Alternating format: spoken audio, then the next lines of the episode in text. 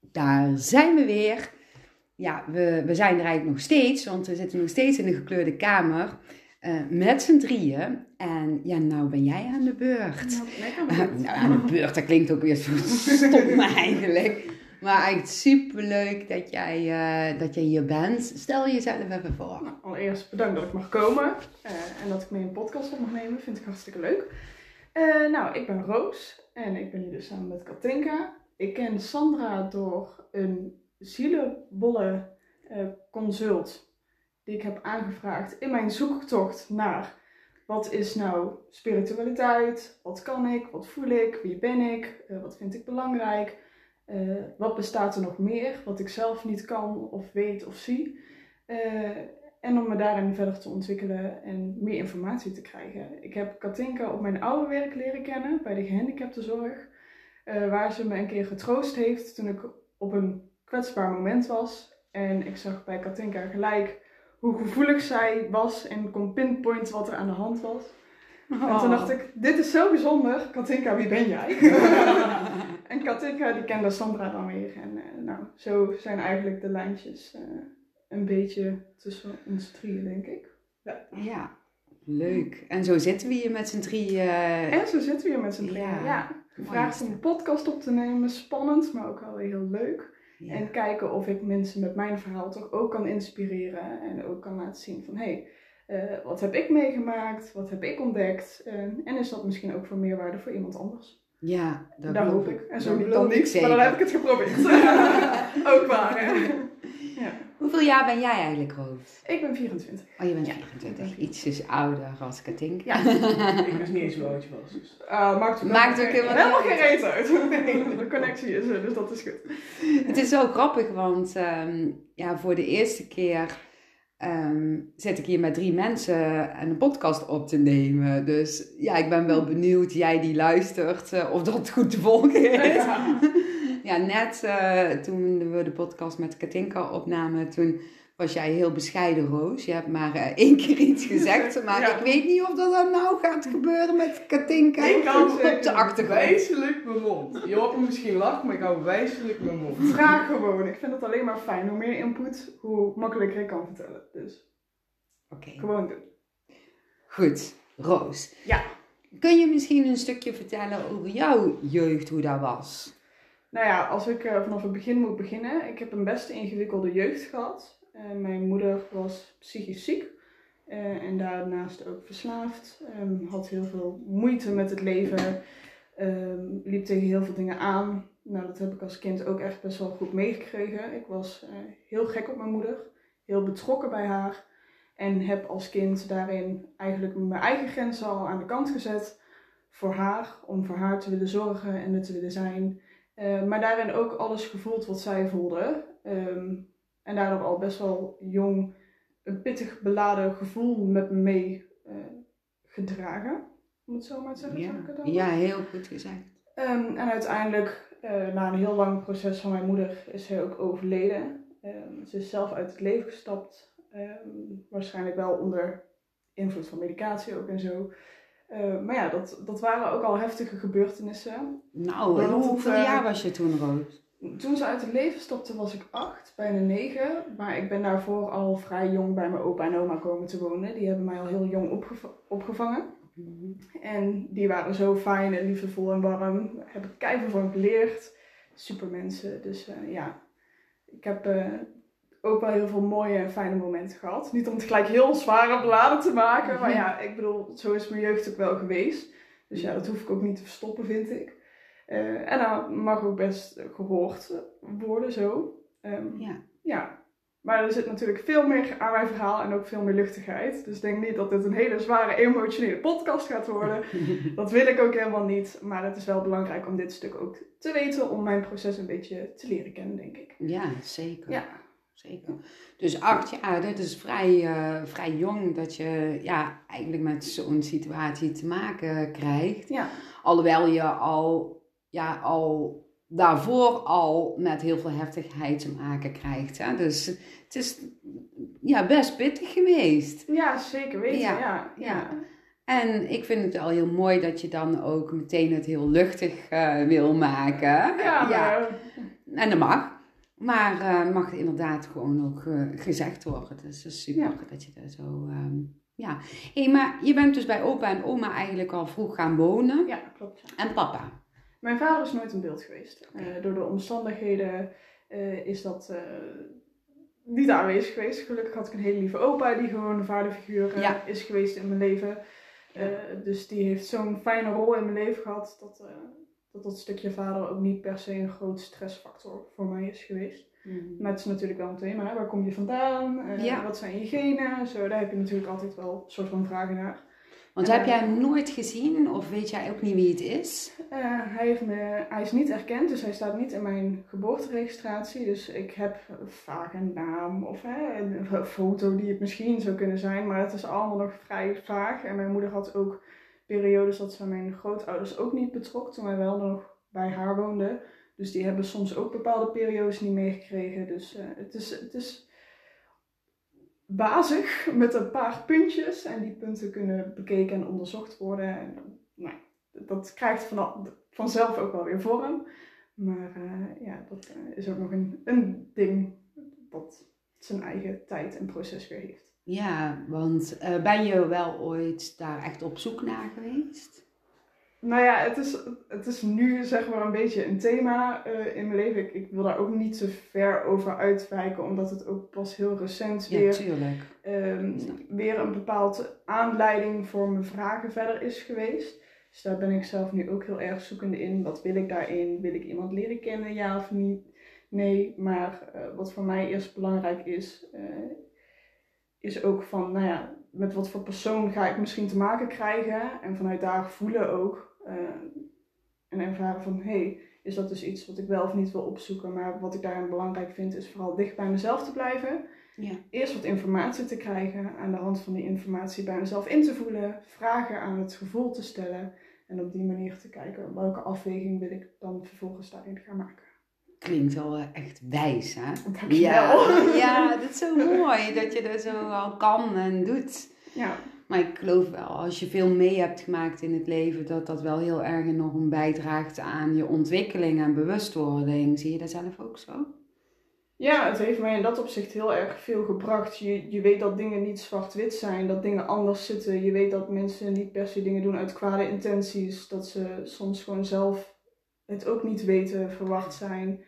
Ehm, en dat is oké. En um, ik heb daardoor heel erg open-minded naar mensen gekeken en naar situaties gekeken en ook naar verhalen van mensen. Ik ben daardoor heel, ja, uh, onbevooroordeeld, zeg maar. Dat je het niet beoordeelt wat een ander meemaakt of doorheen gaat of voelt, omdat je zelf ook te maken hebt gehad met iets waar mensen over zouden kunnen oordelen. Maar daar gaat het niet om. Um, het gaat om zoveel meer. dat is heel vaag, maar... Um, ja, voor mij is het niet vaag. En uh, ik denk voor, voor, voor mensen die een beetje wat bewuster dingen al kunnen zien, is het ook niet vaag. Het gaat ook om de verbinding kunnen leggen. En hoe meer oordelen jij over iets hebt, hoe meer je verbinding met anderen gaat verliezen. Um, terwijl verbinding maken met andere mensen is een van de belangrijkste dingen in mijn leven die mij het meest liefde en energie geven. Ehm, en ook maakt dat als je met een open blik naar elk mens kan kijken en met goedheid en liefde, dat je altijd iets moois in iemand te vinden is. Maakt niet uit wat ze hebben meegemaakt, of, uh, of ze een psychose hebben, of uh, noem maar op. Uh, maar ik vind het gewoon heel belangrijk om met liefde en aandacht naar mensen te kijken. En ook mensen die kwetsbaarder zijn, veel hebben meegemaakt. Um, ja, allerlei soorten mensen, iedereen eigenlijk. Ja, heel mooi. Ik denk dat heel veel mensen nog echt iets van jou kunnen leren. Want er zijn nog zoveel mensen die met een oordeel naar een ander kijken of wijzen naar een ander. Hè, en mm. wat een ander dan verkeerd uh, doet, maar nog niet helemaal in kunnen voelen. Ja, op iemand anders bijvoorbeeld. Of mm-hmm. kunnen kijken naar hun eigen pijnstukken of aandeel, zoals jij zegt. Maar uh, ja, wauw. ik heb even niks op te zeggen. Dat vind ik heel mooi. Ja, dat je dat zo kan zien. Ja, en hoe zou je daar aan mensen die nog niet helemaal daar bewust van zijn, wat, wat, wat, wat zou je hun dan mee uh, willen geven? Ja, ik zou dus, eerst. Dus stel je voor iemand die, die, uh, die zit in zo'n hele moeilijke situatie, die heeft een moeder en eh, die, die, die wordt niet goed van die moeder, omdat die moeder eh, haar totaal niet begrijpt. Hmm. En ehm, ja, bijvoorbeeld, ik Ja. noem maar even als voorbeeldje. Nou, er zijn een paar dingen die ik altijd wel heel interessant vind. Ehm, het is terug gaan kijken naar, oké, wat ligt bij mij? ik ben geïrriteerd bijvoorbeeld. Oké, die emotie is van mij. Eh, ik ben geïrriteerd op een ander, maar waar komt dat bij mij bijvoorbeeld vandaan? Eh, als je merkt dat je nou zegt, non de jus, eh, ik kan diegene wel helemaal pff, Ja. geïrriteerd, oh, je weet wel. Dat je ook gaat kijken, maar waar komt dat bij mij vandaan? Wat in mij wordt er dan geraakt waarom ik dit zo ervaren voel? Of wat is er dan aan de ander wat mij zo triggert? Dat dat zo bij mij loskomt. En als jij je niet gehoord of gezien voelt, betekent dat dus dat er een behoefte bij jou niet vervuld wordt, wat de ander je of niet kan geven. Hè, er kunnen verschillende situaties in zijn. Ehm, als jij eenmaal bij jezelf gevonden hebt wat er aan de hand is, dan wordt het vervolgens heel belangrijk om dat door te communiceren naar de ander. De ander kan niet aan jou ruiken dat je je bijvoorbeeld niet genoeg gehoord en gezien voelt als die afstemming bijvoorbeeld er even net niet is of zo. Dus kunnen communiceren over wat voor behoeftes je hebt, wat je voelt en ervaart, waarom, zonder dat het de ander zijn schuld is, maar omdat het iets is wat jij nodig hebt Mhm. maakt al dat je minder vanuit de jij gaat communiceren, maar meer vanuit de ik. Dus wat heb ik, ik nodig? Wat doet dit met mij? En vervolgens kan je dat terugleggen bij de ander van hé, hey, ik merk op dat dit en dit, dit en dit met mij doet. Ja. Eh, ik merk dat het deze emotie bij me geeft. Ik merk op dat ik dit gedrag daardoor wil vertonen. Noem het maar op. Maar wat jij voelt en hoe jij je gedraagt, is van jou. En daar moet je ook verantwoordelijkheid voor nemen. Ja. ja, als je daar dan naar kunt kijken natuurlijk. Als je daar naar ja, het is Dus- wel een spiegeltje eraan durven kijken. En om dat te doen heb je ook wel moed nodig. En Ja. ook een fijn steunpunt. Bijvoorbeeld Katinka die een vriend heeft. eh, of je vrienden, je familie. Een therapeut kan ook. Hè? Sandra, heel fijn eh, met je werkt. Mag van alles zijn. Hè? Doe het ook vooral niet alleen. Eh, Mhm. heb er nog iemand anders bij die je helpt. Ik heb ook verschillende therapeuten gehad. Eh, ik heb zelf een therapeutische opleiding ook gevolgd. Ik ben Ja, zelf welke? therapeute. Welke opleiding? je? dramatherapie. Oh ja. Ja, dus dan ga je door middel van toneel- en expressietechnieken mensen helpen om zich te ontwikkelen. Leuk. En eh, om dingen te voelen en ervaren in het spel. Om op die manier weer te kunnen groeien in wie ze zijn als mens. Dat is mooi. Kun je daar ook een voorbeeld van geven? Van iemand die dan bij jou komt met iets en hoe, hoe dat dan gaat? Eh, Of is dat lastig? Ja, dramatherapie is allereerst eh, vrij breed inzetbaar. Dus je kan het voor heel veel dingen gebruiken. Eh, heel snel zullen mensen al denken aan een rollenspel. Iedereen kent een rollenspel. Nou, Katinka, jongen, jij kan je grenzen niet goed aangeven, bijvoorbeeld. Ehm, jij komt bij mij in therapie. Eh, nou, dan gaan we dat eerst eens onderzoeken. Maar we gaan het bij dramatherapie ook vooral voelbaar maken. Dus waar ligt die grens dan? Als ik naar jou toe loop, kan jij dan zeggen dat ik moet stoppen? Eh, een heel simpel voorbeeld, die kennen heel veel mensen ook wel. Eh, maar de kracht van de dramatherapie is dat je in een doen alsof situatie ehm, eigenlijk nog wel van alles ervaart en voelt, maar het is niet echt. Dus je loopt geen gevaar, er is niks aan de hand, je bent gewoon veilig, maar je kunt oefenen in een veilige omgeving. En terwijl de situatie niet echt is, kan je wel hele echte dingen voelen. En, en dat is zo krachtig. Het is hetzelfde een beetje als eh, bij ehm, eh, opstellingen of zo. Hè? Ik weet Ja. niet of je dat kent. Ja, je hebt bijvoorbeeld ook opstellingen, Ja. familieopstellingen. Je kan ook je innerlijke belevingswereld naar buiten brengen binnen dramatherapie. En inderdaad ook eh, een sociaal atoom. Vaag begrip. Eh, ga ik ook niet per se uitleggen of zo, maar dat je eh, visueel maakt welke kanten er in jou zitten, hoe die met elkaar interacteren, eh, welke lijntjes daaraan lopen, hoe dat jouw gedrag dan weer beïnvloedt. Nou ja, je kan er alle kanten mee op, maar het is super leuk en interessant. Dat is sowieso Ja. een ding. Ja. Ja. Want je werkt nou ook als therapeut dus? Ehm, half. Ik Mhm. werk met kinderen en jongeren die uitgevallen zijn op het school, in het schoolsysteem. Oeh, of dreigen uitgevallen. Ja, hele interessante Mhm. casussen. Eh, waarin het, eh, ja, ik weet niet of je Katinka's podcast al hebt geluisterd. Vooral doen, heel leuk. Eh, Mhm. Maar Katinka nam, nam het voorbeeld dat het schoolsysteem een vierkant is en het kind een rondje. En dat hij probeert in dat vierkant te komen en dat je eigenlijk nooit een echt een vierkant wordt, omdat je gewoon een rondje bent. Nou, bij ons lukt het ook echt niet om een vierkant te worden. Bij ons zijn ze rondjes. En ze zijn helemaal goed zoals ze zijn, maar dan mogen ze op een andere manier eh, de mogelijkheid krijgen om toch te kunnen leren en ontwikkelen eh, op een manier die meer bij ze past. Maar is dat dan eh, in, heb jullie, werk je dan in, in een school of is dat, Ja, het is een stichting. Ja. En die stichting Hoe heet eh, die? heeft een eigen locatie. De stichting heet Look at You. oké. Ja. Want het is misschien wel interessant, want ik weet zeker dat er mensen luisteren die kinderen hebben die misschien ja, heel, het heel moeilijk hebben op school. Ja. En misschien eens een keertje Ja, ja, kunnen en- informeren naar die stichting. zeker. En wij geven ook begeleidingen op school. Wij geven begeleidingen op de locatie van de stichting zelf. En als een kind bijvoorbeeld echt helemaal is uitgevallen en niet naar locatie kan komen, dan doen we ook thuisbegeleidingen. Dus dat is ook heel gevarieerd in het aanbod dat er geboden wordt. Ook gezinscoaching en eh, ja, eigenlijk Je kijkt Alles, dan eh, ja, wat, wat, er speelt. nodig is Mm. om, om het beste voor het kind en het gezin eh, te maken. Waardoor iedereen zich toch ja, kan doorontwikkelen en niet hoeft stil te staan. Ja. En ja, ondersteuning krijgt. ja, want je ziet wel echt dat steeds meer kinderen aan het uitvallen zijn op Ja. school. Hè? Dat ze Ja, gewoon klopt. echt niet meer naar school toe willen. Ja, En niet alleen eh, de pubers, maar ook gewoon basisschoolkinderen al. Eh, merk jij ook eh, dat dat steeds meer wordt? Of Nou ja, ik werk nog niet zo. Ik werk nu ongeveer een jaartje bij de stichting. Dus ik werk er ook nog niet een dermate lange periode dat ik daar een heel erg verschil kan zien. Wat ik wel begrijp van mijn bazin ook, is dat er steeds meer aanmeldingen komen en ze groeien ook steeds meer. Dus ja, als er weinig kinderen zijn, kan je ook niet groeien, zeg maar.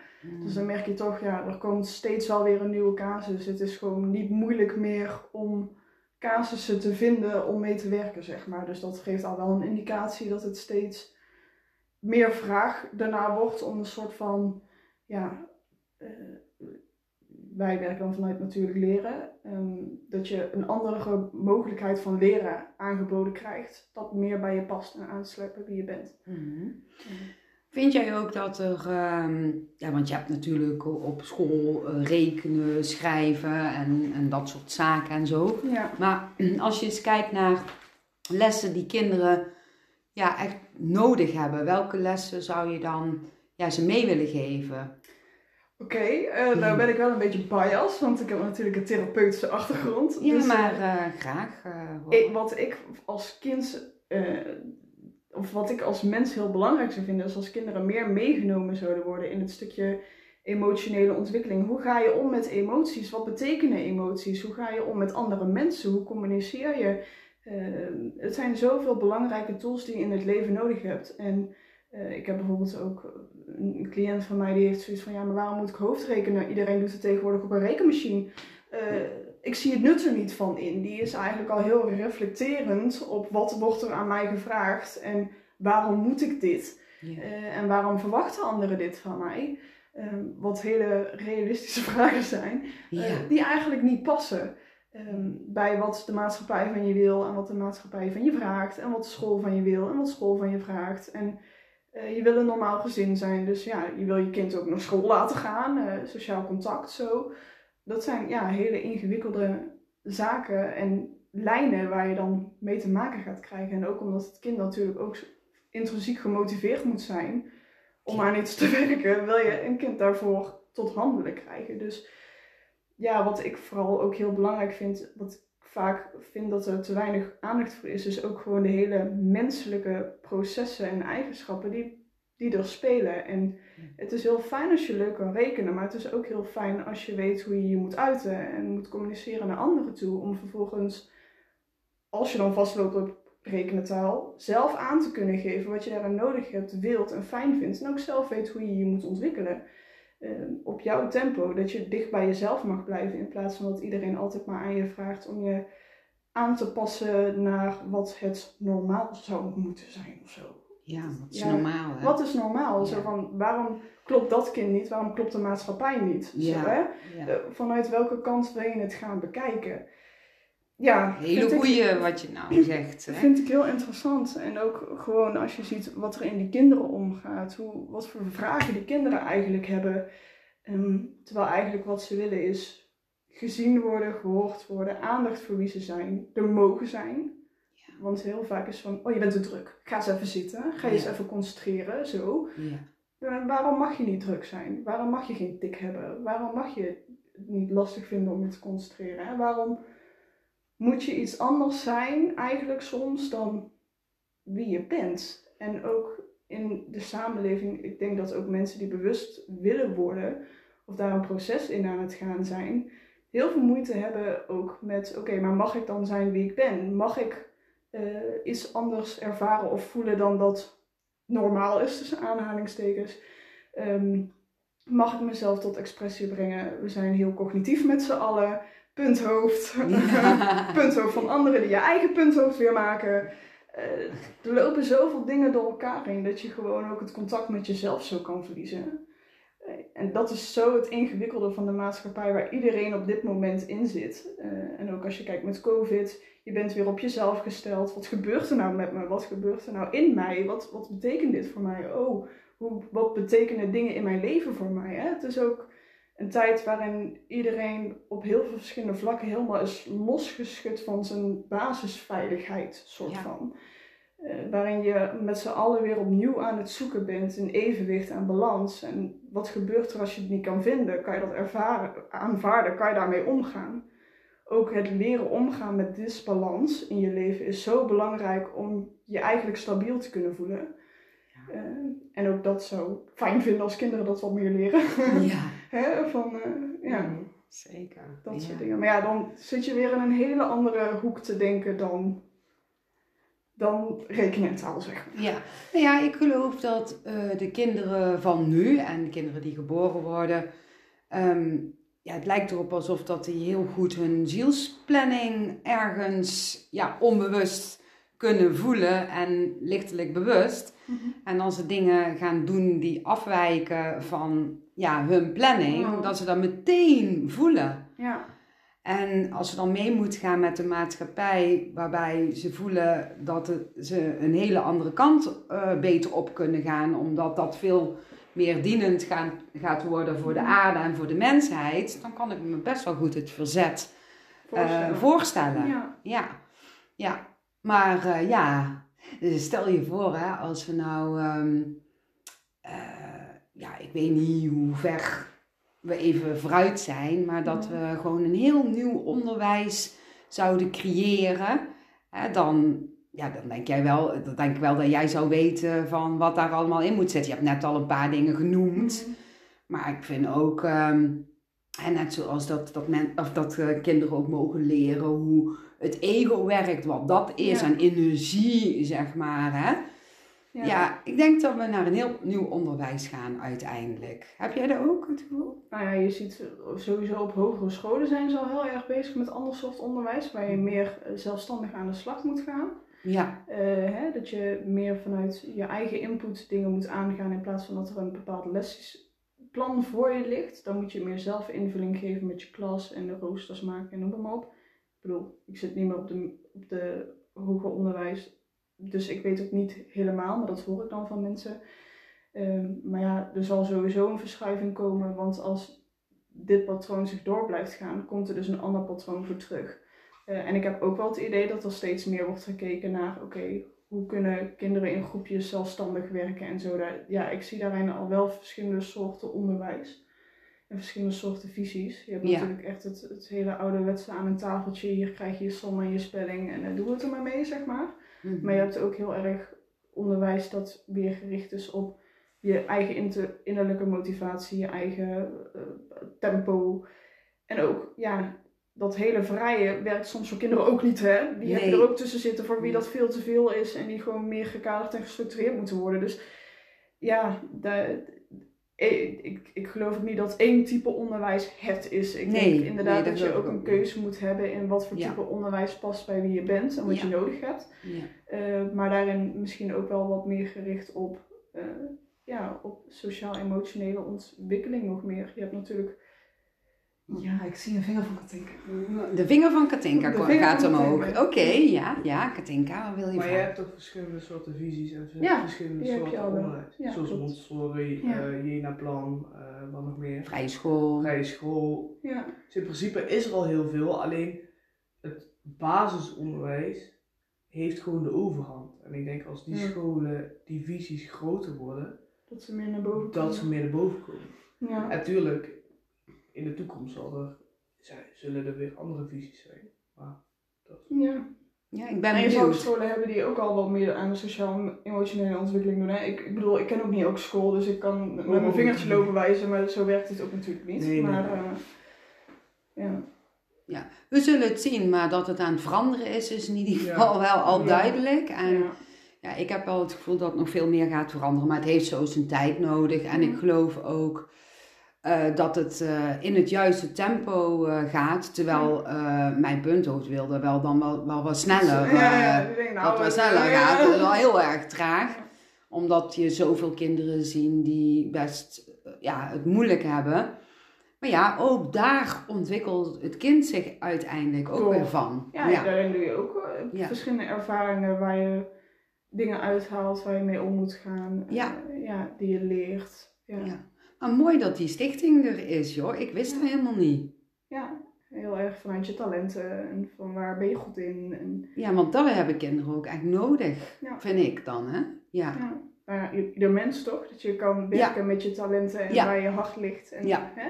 Ja. je energie en ja, waar je energie uit haalt ook. Ja, dat is is waar. niet vol te houden. Eigenlijk ook volwassen mensen. Ja, zeker. Maar als je daar al van jongs af aan leert, dan is het natuurlijk wel heel erg prettig, hè? Ja, hoe zet ik mijn kwaliteiten in? Je wordt ook zo onzeker gemaakt als je niet past in wat er van je gevraagd wordt. Ja. ja. En je wil er toch ergens bij horen. Je wil er toch ja. bij horen, ja. En ben ik dan niet goed genoeg? En eh, oh ja, maar ik kan dat helemaal niet. En daar ben ik helemaal niet goed in. En dat lukt me niet. En Ja. ja, je Dan krijg je zoveel punt. faalervaringen eigenlijk. Ja. Terwijl je eigenlijk je wil richten op groeiervaringen. Hè? Ja. Eh, ja. Ja. ja, en dan ga je heel onzeker worden en, en in je punthoofd zitten. En ja, van daaruit wordt het natuurlijk nog wel een stapje moeilijker. Maar heel mooi ehm, ja, dat jullie er voor, eh, voor hun eh, zijn. Ja, Ja. zeker. Ja, Dus dat doe je dan eigenlijk, eh, hè, je werkt bij die stichting Ja. en daarnaast ben je eh, Ja, in- therapeut. De- In die stichting heb ik bijvoorbeeld ook een cliënt die ik dan wel nog een soort van therapie ook geef. oh ja, dat kun je maar, natuurlijk ook. is ook een beetje gecombineerd natuurlijk. Ja. En in, in wie ik ben als begeleider van kinderen zie je mijn opleiding natuurlijk ook wel heel erg terug. En mijn visie is daar natuurlijk ook op gebaseerd. Dus ik zie ook wel dat ik door mijn opleiding ook wel gevormd ben in hoe ik wil interacteren met die kinderen. Wat ik wil inzetten. eh, op welke manier. En je wil het ook echt, dat voel ik in ieder geval heel erg op je eigen unieke manier ook, ook doen. Hè? Want jij voelt heel duidelijk wat goed is. Tenminste, zo voel ik het. Ja, maar ja, hoe puurder ik ben. eh, die kinderen zijn ook super puur. Ja, hoe uit, hoe- als ik handel vanuit mijn puurheid, dan is het ook goed. Dan doe ik wat ik kan in mijn mogelijkheden, waar ik goed in ben. ja. Met mijn liefde en mijn eh, wil om hè, er oprecht voor een ander te willen zijn. ja dat is wat ze ook voelen. Ja, dat denk ik ook. Ja, dat hoop ik in ieder Dat geval. weet ik wel zeker, Ja. dat ze dat voelen. Dat Ja, met heel veel passie en plezier. Dus, ja eh, daar straal ja. je gewoon Ja. helemaal uit. Ze krijgen mijn Oh ja. onverdeelde aandacht. eh, Oké, soms niet, want dan zit ik bij mijn eigen punthoofd, maar Ja, zoveel mogelijk. maar je bent ook eh, gewoon maar mens. Ik ben ook mens, ja. Ik, ja. Hey, en ja, wil je nog verder nog iets vertellen over jouw ja, bewustwording of iets anders of zo? Ja, want het heeft natuurlijk een zijtak gekregen naar mijn werk Ja. en naar scholen. ehm, en na de- dat ik natuurlijk ook over mezelf begonnen ben.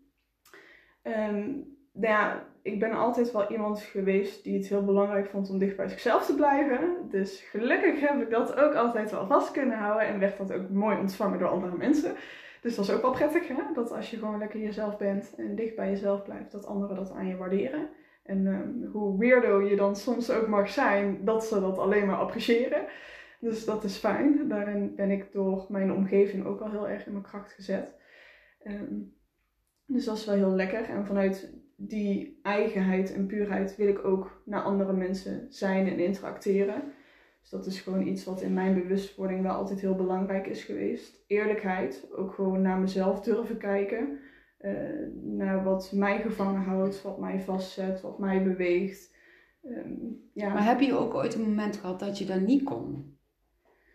Nou ja, ik heb. eh, Oh, nou ja, ik. Ik bedoel dat je nog niet zo goed naar jezelf kon kijken. Zeg maar. Ik heb een hele periode gehad eh, op de middelbare school waarin ik dacht dat ik alles al verwerkt had. En ik dacht, oh ja, en alles van vroeger met mijn moeder, oh, dat ben ik helemaal kwijt, dat heb ik helemaal verwerkt. Ik ben super zelfverzekerd. Helemaal niet! Maar wist ik toen nog niet. Ik dacht, eh, ik heb het helemaal rond, ik heb het helemaal klaar, leuk. eh, ik ben een jonge, energieke meid, ik sta in het leven, eh, niks kan mij meer raken. Was niet zo, want op een gegeven moment kwam ik op mijn opleiding en dan krijg je ook wel die klap in je gezicht van... toe, je hebt het helemaal nog niet genoeg verwerkt, want er zijn nog steeds heel veel punten die jou triggeren en raken. Ja. Maar ja, dat wist ik zelf natuurlijk nog helemaal niet. Ik denk, ja, is lekker makkelijk hè, de afronden. Totdat op een, vriendin, op een gegeven moment een vriendin tegen me zegt... Ja, Roos, waarom wil jij nooit op foto's? Je bent toch zo zelfverzekerd? Waarom wil jij niet op de foto? Waarom wil je niet naar jezelf kijken? Oh, oh. Oeps. Oeps. En op de opleiding. En er was één moment waarop een heel, heel oud traumatisch gevoel van mij terugkwam. En ik was helemaal patsboom.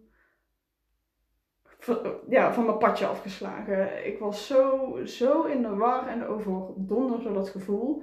Waardoor ik ook steeds meer ervaarde dat er nog zoveel meer in me zat. ehm, dan dat ik wist en dat ik doorhad. Ehm, en dat was zo confronterend en eng. Eh, gelukkig ben ik daar in mijn opleiding ook wel goed ook een stukje in begeleid. In je eigen proces. En eh, wat kom je tegen ook in de opleiding. Je hebt natuurlijk te maken met heel verschillende ziektebeelden waar je mee moet gaan werken. Wat doet dat met jou? Wat raakt je daarin? Dus de opleiding is daarin heel reflecterend. Mhm. Dus dat helpt wel om het aan te kijken. Maar ja, het was voor mij dan wel zoiets van oké, dus er is eigenlijk nog heel veel meer dat niet geheeld is in mij. Eh, wat ik dus nog wel aan moet kijken en aan moet gaan. En dan ga je door heel veel verschillende fases heen. Ik heb ook momenten gehad dat ik echt ehm, ja, ook gewoon niet meer wilde eten. eh, heel moeilijk in mijn blokkades zat. Eh, hoe kom ik hier uit? Wat moet ik hiermee doen? En, en bij mij was op een gegeven moment hulp vragen wel de uitnodiging om weer verder te kunnen komen. Want als ik het zelf probeerde, lukte het me niet. Maar je had Ehm. natuurlijk al, hè, vanaf jongs af aan heb je alles zelf eigenlijk gedaan. Ja, Dus dat hulpvragen zat was wel even... Ja. Nee, stond niet in jouw woordenboek eh, dat dat ook nog bestond. ja, nou ja, gelukkig had ik als kind ook al wel speltherapie gehad. Oh ja. Want hè, de, het overlijden van mijn moeder, toen dachten mijn opa en oma ook wel van... Nou, we gaan ervoor zorgen dat dat gelijk wordt aangepakt. Eh, hè, ook voor mijn gezondheid. Dus ik, het, ik was al wel daarin mee bekend. Maar om aan de kant te zetten dat je het niet zelf kan. En dat je echt wel hulp nodig hebt. En dat je echt wel dingen aan moet gaan kijken. Ja, dat was best wel vrij pittig en ingewikkeld. Ja. Dus daar heb ik ook echt wel heel lang over gedaan. Tot ik eigenlijk op het punt stond om die stap te maken. Ehm, maar ik heb het uiteindelijk wel gedaan. En gelukkig ook maar. Want het heeft me heel erg verrijkt. Ik ben door die therapie... Ik heb toen haptotherapie gevolgd. Ook heel erg lichaamsgericht. Oh ja, wil je eens uitleggen hoe dat eh, een beetje werkt? Ja, haptotherapie gaat heel erg over jij in relatie tot de ander. Mhm. Eh, en ook over eh, fysieke uitingsvormen die je ervaart met stress. Hoe zit je lijf erbij? Waar voel je het in je lichaam? Waar ben je gespannen, ontspannen? Hoe gaat dat in contact met een ander? Lichamelijk contact, wat doet dat met jou? Eh, kan je daar ontspannen in zijn? Kan je begrenzen? Waar is dat van jou? Waar is dat van de ander? Kan je je energie bij je houden ook? Ja. oh ja. Eh, dus dat soort thema's komen heel erg naar voren. En elke haptotherapeut vult dat anders in. En werkt ook anders ook wat jij nodig hebt daarin. Dus Ja. als fysiek contact voor jou nog veel te groot is, ja, dan ga, ga je dat niet doen. Nee. Kan ook met muziek of golfbewegingen. Het gaat in ieder geval om dat jij in contact met je lijf komt. En voelt hoe jij bent in contact met de ander daarin ook. Eh, dat is eigenlijk een beetje de kern daarvan. En toen heb ik ook echt wel geleerd om door mijn emoties heen te moeten gaan. Om ze te kunnen verwerken. Dus ik heb ze gewoon heel lang in me gedragen.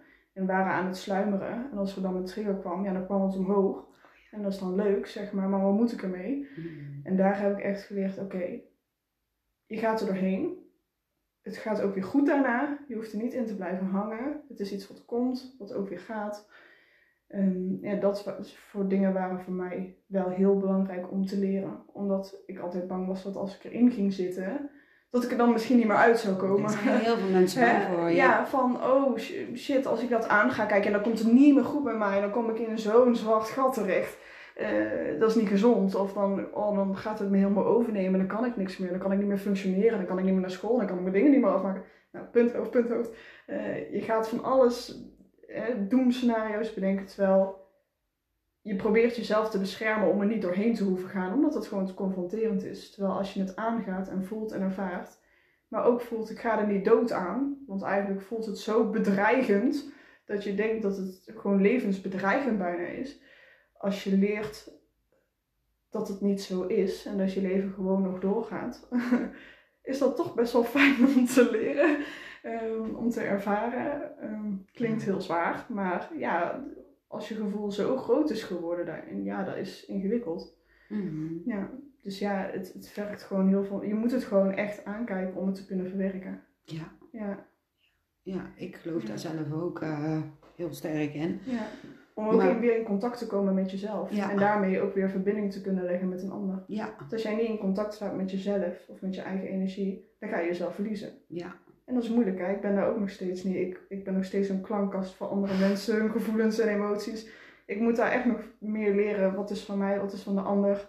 Hoe begrens ik dat? Hoe begrens ik mijn eigen energie? Daar ben ik nog lang niet. dat komt nog wel, ik ben ermee bezig. maar Maar goh man, je bent Eh. 24, hallo. En oh, wat weet jij ook al veel, veel, veel, veel, veel. En ik geloof dat je eindeloos kunt blijven leren. zeker. Hè? Ja. Want ik ben nou 50 en ik weet, eh, volgens sommige mensen die denken van, nou die Sandra die weet best wel veel, maar ik weet nog helemaal niks vergeleken al wat is. Het is Ja. zo groot. Ja, het is heel groot. En ja, Ja. Ik, ik blijf ook gewoon doorleren totdat ik doodga. Ja, Ja. en dat, dat, ik geloof dat dat voor iedereen telt. Ik heb nooit iemand gezien die, ehm, eh, of nog nooit iemand tegengekomen die helemaal verlicht is en geen Hm. stuntelingen meer heeft of pijntjes of wat, wat dan ook. Ja. Eh, jij wel? Nee. Elk huisje heeft zijn kruisje. Dat, dat. En jij die luistert, eh, ken jij iemand? Laat het me even weten, want dan willen wij die even Graag spreken. ontmoeten, ja. Ja. Even wat levensadvies en zo. Ja. ja, maar we zijn allemaal gewoon, eh, gewoon mens. En Hm. ja, iedereen heeft zo zijn dingetjes. Ja, zeker. Ja, ja mooi. Ehm, maar ja, ik vind dus dat jij wel al, goh, Samuel, ben jij al, sta je al bewust in het leven? Dat is echt gewoon, ja, ik vind het echt gaaf. 24 Ja. jaar en dan zo toch al heel veel weten, hoewel we nog niks weten, maar toch heel Ja. veel. Ehm, ja, als ik dan jou zo hoor, eh, met alles wat je mee hebt gemaakt en waar je doorheen gaat, ja, dan ben je wel een perfecte therapeut, hè? Dankjewel. Ik zou het graag willen, maar eh, ik doe daar ook alles voor. Maar... Ja, Ja. maar zou het kunnen zijn, ik weet niet hoor, of jij daar zo ziet, maar dat je al die dingen ook mee moet maken om ja, daar te komen waar je ja, wil zijn, qua zielsplanning, waar je naartoe wil gaan. Nou Ja, ik heb altijd wel heel erg veel intuïtieve gevoelens gehad, die ik ook gewoon altijd heb gevolgd. En ik weet ook dat je alles meemaakt om een reden, om ervan te groeien. En ik denk ook iedereen die op je pad komt, jij die op mijn pad komt, eh, mijn kleine broertje iets tegen me zegt waarvan ik denk, verrek, daar heb je gelijk in. Ehm, ik vind het heel belangrijk dat je van alles en iedereen ziet dat je daarvan kan leren. Ja, En Ja. dan maakt niet uit wie het is. Dan is het Nee. een, een- een- iemand die op straat leeft, die kan je ook van alles leren. Gehandicaptenzorg, perfecte leerschool, die mensen zijn zo puur. ja Dankjewel, hè? dankjewel. Ja. Hoe jij mij leert hoe jij voor je eigen behoeftes uitkomt. Ja. Want dat kan ik helemaal niet en jij kan het perfect. Leuk, fijn om te zien. Zo, eh, die, die, die hebben zo'n pure manier van communiceren waar je zoveel van kan leren. Terwijl heel veel mensen zouden zeggen, oh ja, die liggen weg te kwijnen of zo. Helemaal niet. Nee. Ga naar die mensen toe, Ja. leer van die mensen. Ja. En leer van iedereen en alles wat op je afkomt. En zo leer ik van mijn ervaringen en leer ik van de mensen om me heen. Hopelijk leren er ook mensen van mij.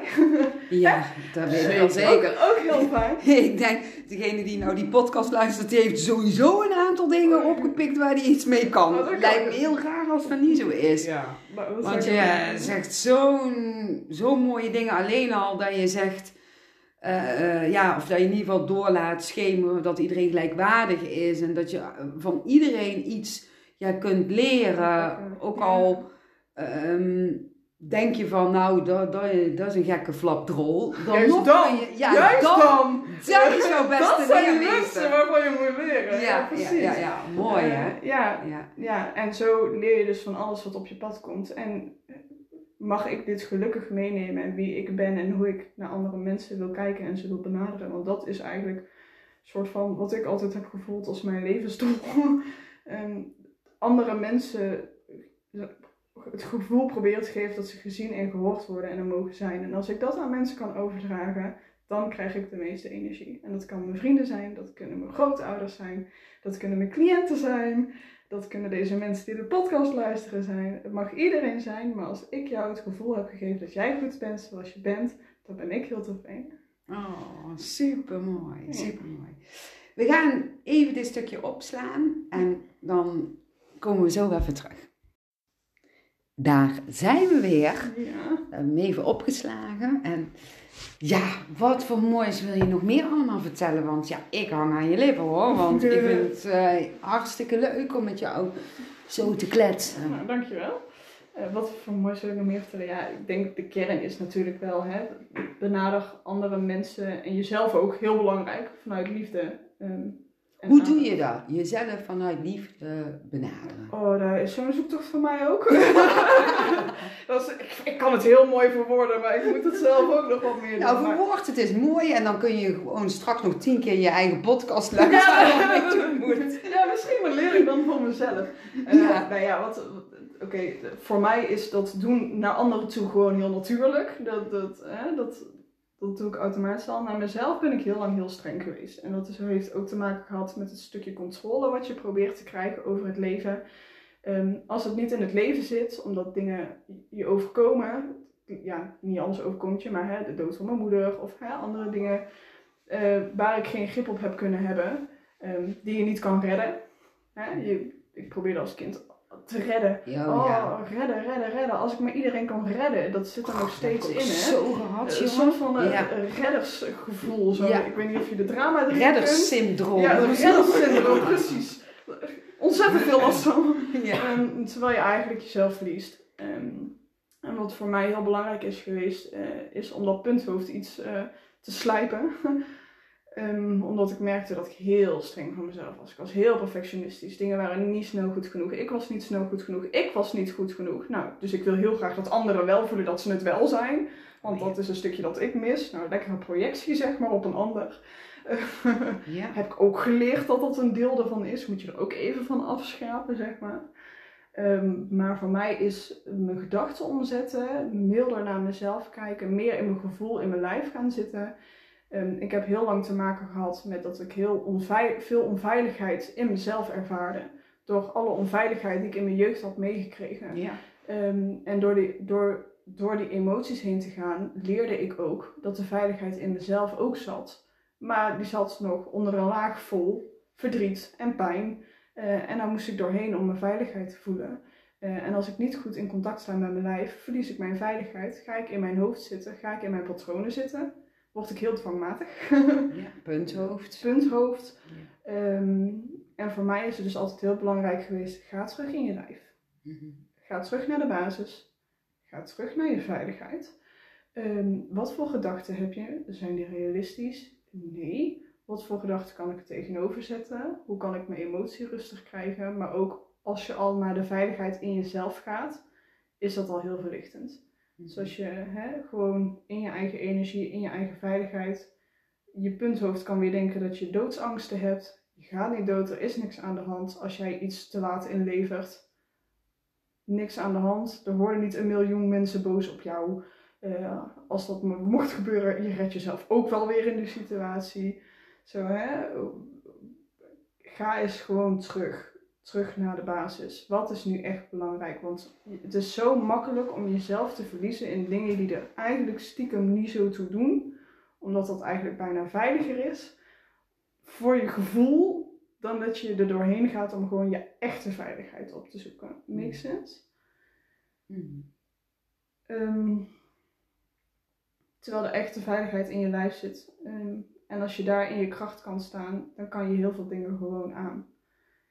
Ehm, maar hoe, ja, hoe voelt dat dan, die, die veiligheid? ehm, ken je van die stroomkabels die je voor de, ehm, de grasmaaier hebt, die je eerst moet inpluggen en dan in je grasmaaier moet pluggen, zeg maar die tussenkabel? Ja. Het voelt alsof je die tussenkabel op je grasmaaier aansluit en vervolgens je grasmaaier aan kan zetten. Eh, want zonder die kabel doet je grasmaaier het niet. En je hebt die kabel nodig, maar voor die kabel moet je hem wel aansluiten. Die connectie tot die grasmaaier moet er wel komen. ja. Want anders doe je het niet, zeg maar. Dus het is ja, echt die kabel naar je onderbuik voeren. En dan daar aansluiten. En dan voelen dat je aan mag. Dat je echt werkt. Dat je geconnect bent. Ja, Ehm, vo- ehm, ehm, voelt het ook, of ja, is het zo zoals jij het ziet, hetzelfde als dat je de verbinding voelt met je ware kern?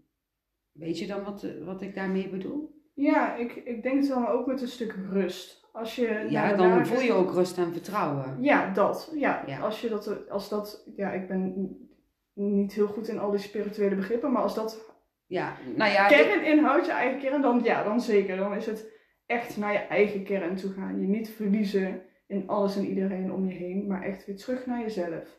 Ja eigenlijk, eh, ik geloof zeg maar, hè, we hebben allemaal een lichaam en in het lichaam hebben we een ziel. En we zijn in verbinding zeg maar, met de bron. Ja. En in de bron zit het hogere zelf of grotendeel ziel. Waar we, eh, waar we mee in verbinding zijn. En dat is ja, wie we werkelijk zijn. Ja. En dan krijgen we natuurlijk van alles aardse zien mee. Wat Ja. super heftig is qua trauma. Of van je moeder of omgeving waar je Mhm. op, van opgroeit. En daardoor kun je bijvoorbeeld die veiligheid ja, verliezen. Die Ja. ware kern. Ja. En hè, jij mocht eerst heel erg door dat verdriet heen. En Mhm. al die lagen. Mhm. Waardoor je eigenlijk weer naar die ja, basisware Ja. kern komt. Maar dan leer je het ook dragen. Als Ja. je daar zit en voelt en bij die kern bent, Ja, dan, dan voel je ook. Dat je het zelf dragen kan. Omdat je anders bang bent dat je zo uit disbalans raakt. Ja. dat je het niet aan wilt gaan. Terwijl als je voelt dat je, als je door die disbalans heen gaat, dat je juist met die disbalans om kan gaan, Ja, dan kom je in je kracht te staan. ja, Want dan weet je wat je, wat je kan en wat je waard bent en waar je kracht zit als je naar die kern toe gaat. Maar ja, het is ingewikkeld om die kern op te zoeken. En daar heb je echt ook mensen bij nodig die je daarbij helpen. ja, en je hebt natuurlijk gewoon handvaten zoals eh, mediteren of hè, de lichaamsgerichte oefeningen die je naar je lijf brengen. Eh, therapeuten die je door de emoties heen helpen, door de trauma's heen helpen, ervoor zorgen dat je die veiligheid opnieuw kan terugvinden. Ehm, hè, cognitief gedragstherapie als je punthoofd eh, te veel eh, zijn, zijn loop gaat laten. Geen probleem. Je hebt daar zoveel middelen voor en ik hoop dat de luisteraars ook een heel fijn netwerk om zich heen hebben waar ze naartoe kunnen gaan als ze hè, zelf in de knoop zitten. Doe dat. Ga het Ja. niet alleen proberen, alsjeblieft niet. Mm. Eh, betrek mensen bij het proces. Leer van anderen. Sta open voor de feedback van anderen. Ook al is dat ook niet altijd fijn om te krijgen. Eh, en voel. Voel ook je eigen feedback, want je weet zelf donders goed hoe het echt zit. Je Ja. kan zo snel verzanden in iets wat eigenlijk die kern niet heeft. Je weet prima zelf waar je kern zit. Mm. Maar dat is wel eng. Ja, dat is voor sommige mensen heel, heel eng. Heel, ja. heel eng. Ja, Ja. en dat hoeft ook niet gelijk. Hè. Doe daar in kleine stapjes. Ja, en daar kun je jaren over doen, bij wijze van Mag, spreken. ja zeker. Het Ja. maakt niet uit hoe groot of klein de stap is. Voor mij, als je ook maar een stap doet in de richting waar je naartoe thuis hoort, ben je super hard aan het werken en ben je super goed je best aan het doen. Ja. Op jouw tempo, op jouw manier. Ja. En dat mag, dat mag. Dat is vrij, dat is open. Jij bent de stuurder, maar probeer wel naar die puurheid heen te gaan, want anders raak je jezelf gewoon kwijt. En dat wil je niet. Heel mooi. Goh. Jeetje, ja, ik eh, wil alleen maar aan jou vragen van, goh, heb je nog iets leuks te vertellen, interessants? Eh. Ja, want, Nou ja, dat, eh, misschien is dat dan ook wel, want hè, ik, ik heb natuurlijk ook heel veel dingen die ik hè, ontdekt heb of hè, weet of graag wil overdragen aan mensen. Maar er zijn ook heel veel dingen waar ik zelf nog heel erg zoekende in ben. Ehm, ik weet dat ik fijngevoelig ben, maar ik, heb, ik weet helemaal niet wat mijn mogelijkheden daarin verder zijn. Ik ben nou nog best wel een klankbord. Maar wat gebeurt er als ik mezelf meer kan kaderen en als ik mezelf meer kan ontwikkelen? Wat voor mogelijkheden liggen er dan in mij? En ook waar ik in geloof of waar ik voor sta, ik kan het heel goed uitdrukken, maar als ik te spiritueel begin te worden, ehm, dan volgen mensen me vaak niet meer. Dus hoe maak ik het concreet en vertaalbaar aan de mensen om me heen? Want als ik het ga hebben over een energie, Mhm. dan haken heel veel mensen af. Ja. Die denken, ja, energie me reet. Ik weet niet waar jij over je energie loopt te praten, maar ik doe er niet aan mee. Vind ik vaak, vind ik, we zijn met z'n allen vrij cognitief ingesteld, hè? Ja. Dus eh, Als als ik veel eh, van de mensen wel, ja. Ja, als ik, het, als ik niet weet waar je het over hebt, als iets onbestemd is en eh, ik kan mijn vinger er niet op leggen, zeg maar. ja dan, het is niet eh, tastbaar. Dan het is niet tastbaar, dan weet ik niet wat ik ermee aan moet, zeg maar. Mhm. Ehm, en ook van, ja, de, de liefde en de bron die ik voel, hoe ga je dat benoemen? Ga je dat God noemen? Of is dat niet God? Ja, het dat- heeft zoveel verschillende benamingen, joh. Wat dat je helemaal niet goed van wordt eigenlijk. Ja, maar hoe, Ja. hoe wil je jezelf uitdrukken naar de buitenwereld, maar daarin ook begrepen blijven? En ik heb dan allemaal maniertjes voor mezelf bedacht. Hè, om, om wat ik voel heel eh, laagdrempelig te maken naar andere mensen. Ja, hè, toch- als je een ruimte binnenloopt, voel je, voel je of hè, mensen Ja. verdrietig zijn of niet. Nou, en dan kleiner niveau zeg maar. Maar het is zo ingewikkeld om jezelf toe te laten om om, om iets ontastbaars aan te raken. En hoe gevoelig en ehm, hoe ehm, sensitief ik ook ben. Ik ben ook heel cognitief. Ik ben ook vrij rationeel en ik ben heel gevoelig. Dus die Ja, twee maar ik denk dat dat mij. super mooi in balans is dan eigenlijk. Soms Of dat heb je super mooie niet. balans. Maar ja, hoe ga, je, hoe ga je daarmee om? Kan ik mezelf nog verrijken als ik mijn cognitie nog meer aan de kant ga zetten? Waar wil ik wel en niet in geloven? Ehm, ik heb bijvoorbeeld zelf nooit een overleden persoon gezien. Voor mij is dat bijvoorbeeld heel moeilijk om dat tastbaar te maken. Ik sta daarvoor open en ik geloof ook zeker dat dat kan en zo. Maar het is voor mij ook nog iets verwarrends. Ja. Ehm, kan dat? Bestaat dat? Is dat mogelijk? Ehm, mijn moeder. eh, hè, er zijn zoveel dingen die daarbij komen kijken. Terwijl misschien heb ik die mogelijkheid ook wel in mij om daar contact mee te maken. Weet ik niet. Wil ik dat? Weet ik niet. Het is eng. Snap je die bestempeling die het heeft gehad? Ook van, ja, maar in hoeverre kan ik me ook voor bepaalde dingen openstellen en in hoeverre ook nog niet? Ik ben daar ook nog heel erg zoekende in. Ja, dan ontdek je vanzelf wel. Dan vindt zijn weg wel. Ja, en ik, wil Ja. dat- ik, ik ben altijd iemand die, oh, dat is interessant. Oh, daar wil ik meer van weten. En dan wil ik daar heel snel in gaan. Ik wil heel snel heel goed worden in dingen. Oh ja. ja. Perfectionisme komt dan weer naar boven. Oh ja, oh, nee, als het drie maanden duurt, dan is het eigenlijk al te lang, zeg maar. En je zei net, gewoon kleine stapjes nemen mensen. Ja, maar ik kan dat zelf. En dan moet ik mezelf weer terugfluiten. En dan zeg ik, Roos, even normaal doen. Ja. Even terug. Zo werkt het niet. Even weer mild te worden naar jezelf. Even weer in contact staan met de echte kern. Ja. Want dan loop ik mezelf ook weer voorbij. Ik moet mezelf steeds terugfluiten ook. Dat, Ja. eh, het is nog...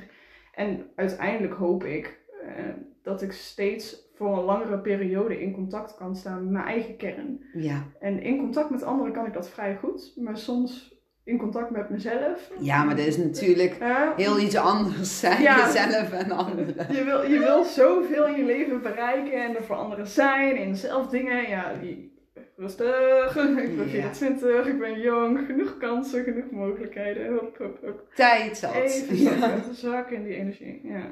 Maar het is mooi dat je daar al bewust van bent. Ja. Ja. En je ontdekt het vanzelf allemaal wel. Dat ja. komt vanzelf. Maar ik wil het ook heel graag. Ik zou zo graag willen ontdekken wat ik allemaal nog meer kan. ja, Zo, wat kan ik allemaal? Van wat heb ik allemaal in me? ja. Zo, dat mooi is hè? Ja, als ik nog meer in contact kan staan met de hoge bronnen. Misschien net zoals jij hè, vanuit die informatie ook naar mensen toe kan spelen. Ja, een combinatie zou heel mooi zijn. Ik denk dat je daar ook naartoe gaat. Hm. Maar dan vindt dat zijn weg wel op de manier waarop dat jij voelt dat het beste is. En het hangt er ook af eh, van, ja, wie heb je voor je? Ja. Want hè, soms dan komt er hier iemand en dan gebruik ik ook andere woordjes als weer iemand anders. Hè, dus ik stem af op, op de energie van iemand en van daaruit ehm, ja, ga ik eigenlijk praten. Wat diegene dus ja, kan begrijpen Ja. en kan volgen. En de een kan gewoon ja, iets bewuster de dingen al ja, voelen Mhm. of, of weten of hoe je het ook noemt. En de ander eh, wat onbewuster. Dan gebruik je Ja. hele andere woorden. Ja, een hele andere taal. Ja, een Ja. hele andere taal eigenlijk. Ja. Terwijl het wel gewoon Nederlandse taal is. Maar dan, Ja, ja, Afgestemd. anders. Ja. Dus, en dat is helemaal oké. Ja. Dus ja, maar dat heeft dus mee te maken dat iedereen is zo verschillend. En je Mhm. hebt zoveel verschil qua hoe bewust iemand kan kijken. En eh, dat wil dus niet zeggen, maar dat weet je zelf ook wel. Van als je nog niet zo bewust kan kijken, dat dat dan minder is. Nee, Nee, absoluut Nee. niet. Ehm, maar het is gewoon, ja, op een ander, dan bekijk je de dingen anders. Ja. Dan voel je, ervaar je anders. Ja. Ja, dus daar is dan meer een andere taal voor eigenlijk. Mhm. Ja, Ja, zeker. leuk joh. Ja, oh. En heb jij nog iets, wil je nog iets delen ehm, ja, aan, de, aan degene die luistert? Iets vanuit heel je hart. Nou, Ja, je hebt al heel veel moois gezegd hoor, maar misschien iets wat nu in je opkomt. Ja, ik denk vooral in deze tijd, eh, voel waar je heel veel energie van krijgt en waar je hart ligt. En volg dat, zonder te veel punthoofd. en ook al lijkt het hè, dat je denkt, ja, zo'n studie dramatherapie ja, is maar klein en daar kan je bijna geen baan in vinden. Als daar je hart ligt, gewoon doen. Als je hart ligt bij meer kunst, ga eens wat meer aan kunst doen. Hè, het is zo makkelijk om, eh, oh, ik moet dat toch nog maar van mijn werk doen, hè, want dat moet nog af. Ja, uitstellen, uitstellen, Uitstellen. je zo goed in hè? Ja, uitstellen waar echt je hart ligt. Ga dat gewoon aan. Ga dingen aan waar je energie voor gaat. En geef eens gewoon een fijn compliment aan iemand die heel belangrijk voor je is. Gewoon van dat soort dingen. Ga eens kijken wat zijn echte dingen waar je heel warm voor wordt. En ga dat eens uitdrukken. Ga daar uitdrukking aan geven. Ja, en soms is daar wat doorzettingsvermogen voor nodig, omdat het punthoofd ja, daar dan meteen iets van vindt of iets Ja. anders verzint om te doen. Of eh, iemand in je omgeving, dat kan ook. Als jij iets wil doen vanuit heel je hart, zou de ander kunnen zeggen, zou je dat wel doen? Wat Ja. doe jij nou? Heb soms Gewoon iets meer scheid. Ja, en verschijt. hè. En ja, hier heb je eh, ehm, een hele container doorzettingsvermogen Oh, van ons. En nog één. Er zijn ja, zes containers, als we twee containers ieder geven met doorzettingsvermogen. ja. En eh, neem die tot je, Ja. zou ik zeggen. Jij die luistert. En- eh, mocht je iets willen doen. ja, eh, en anders begin lekker klein. ja. En zeg tegen je hond hoeveel je van je hond houdt. Maakt Ja. Mag ook hè. ja, Als daar je. Ook weer heel mooi. De kleine stapjes, hè? Ja, ja, niet gelijk huwelijksaanzoek te worden of zo, hè. Maar... hey Roos, wil je nog een leuk briefje uit het eh, Ja, joh, waarom niet? mandje? Toch? Tjadadada. Oeh, ik heb er heel veel achter elkaar, maar ik heb ook een gele. Sta een paar keer per dag even stil of dat wat je aan het doen bent energie geeft. Nou, dat heb je net verteld. Net of dat we die briefjes al van tevoren klaar hebben gedaan. Ik wil ook een briefje Pak pakken. jij ook de brief? Ik pak een briefje voor degene die nu luistert. Goed? zijn er waarschijnlijk heel veel, hè? Ja. Dus moet je heel veel briefjes pakken. Oh ja, moet heel veel brief. Nee, ik pak gewoon nou even één. En van Gerard. En van Zielsliefde. Ah. Dat is een hele mooie. Ja. En nou, misschien dat jij die nou luistert nu denkt van zielsliefde, eh, moet ik dan een zielsliefde vinden? Iemand waarbij ik, ja, hè, zielsliefde ervaren voel? Kan, kan, kan. Maar ja, we hebben het net ook gehad over die ware kern, hè? Hmm. En die veiligheid, hè? Die Roos net, ja, waar Roos net zo mooi over vertelde. Ja, en dat is de liefde van het diepste van je ziel. Ja, zo zou ik hem dan eh, willen pakken, dat briefje. Mooi. Of omschrijven. Ja. Nou, Roos, super dankjewel eh voor dit prachtige gesprek. Ja, jullie ook. En ook de luisteraars bedankt voor het luisteren. Als je tot helemaal het einde hebt geluisterd ook. Ja, en ik denk echt wel dat, eh, dat ze er weer hele mooie dingen uit hebben kunnen halen. Daar hoop ik. Ja. Ja. Ja, En dikke geef dat ook vooral terug. Hè? Mocht je dingen eruit hebben gehaald, dat hoor ik ook weer graag terug. Ja, mooi. Heel, eh, heel mooi. En ehm, ja, misschien dat we eh, nog eventjes hè, daaronder bij de tekst van de podcast even jouw naam kunnen bijzetten. En ook de stichting waar jij ook werkt. En Oké. misschien eh, jij als therapeut.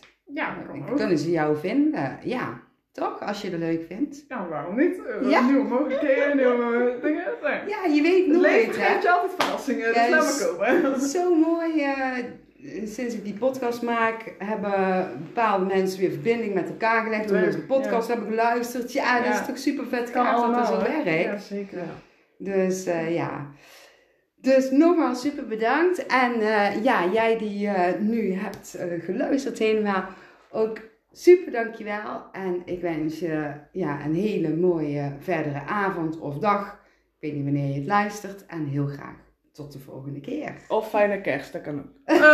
dat is Katinka. doei doei lieve allemaal. Doei, dankjewel.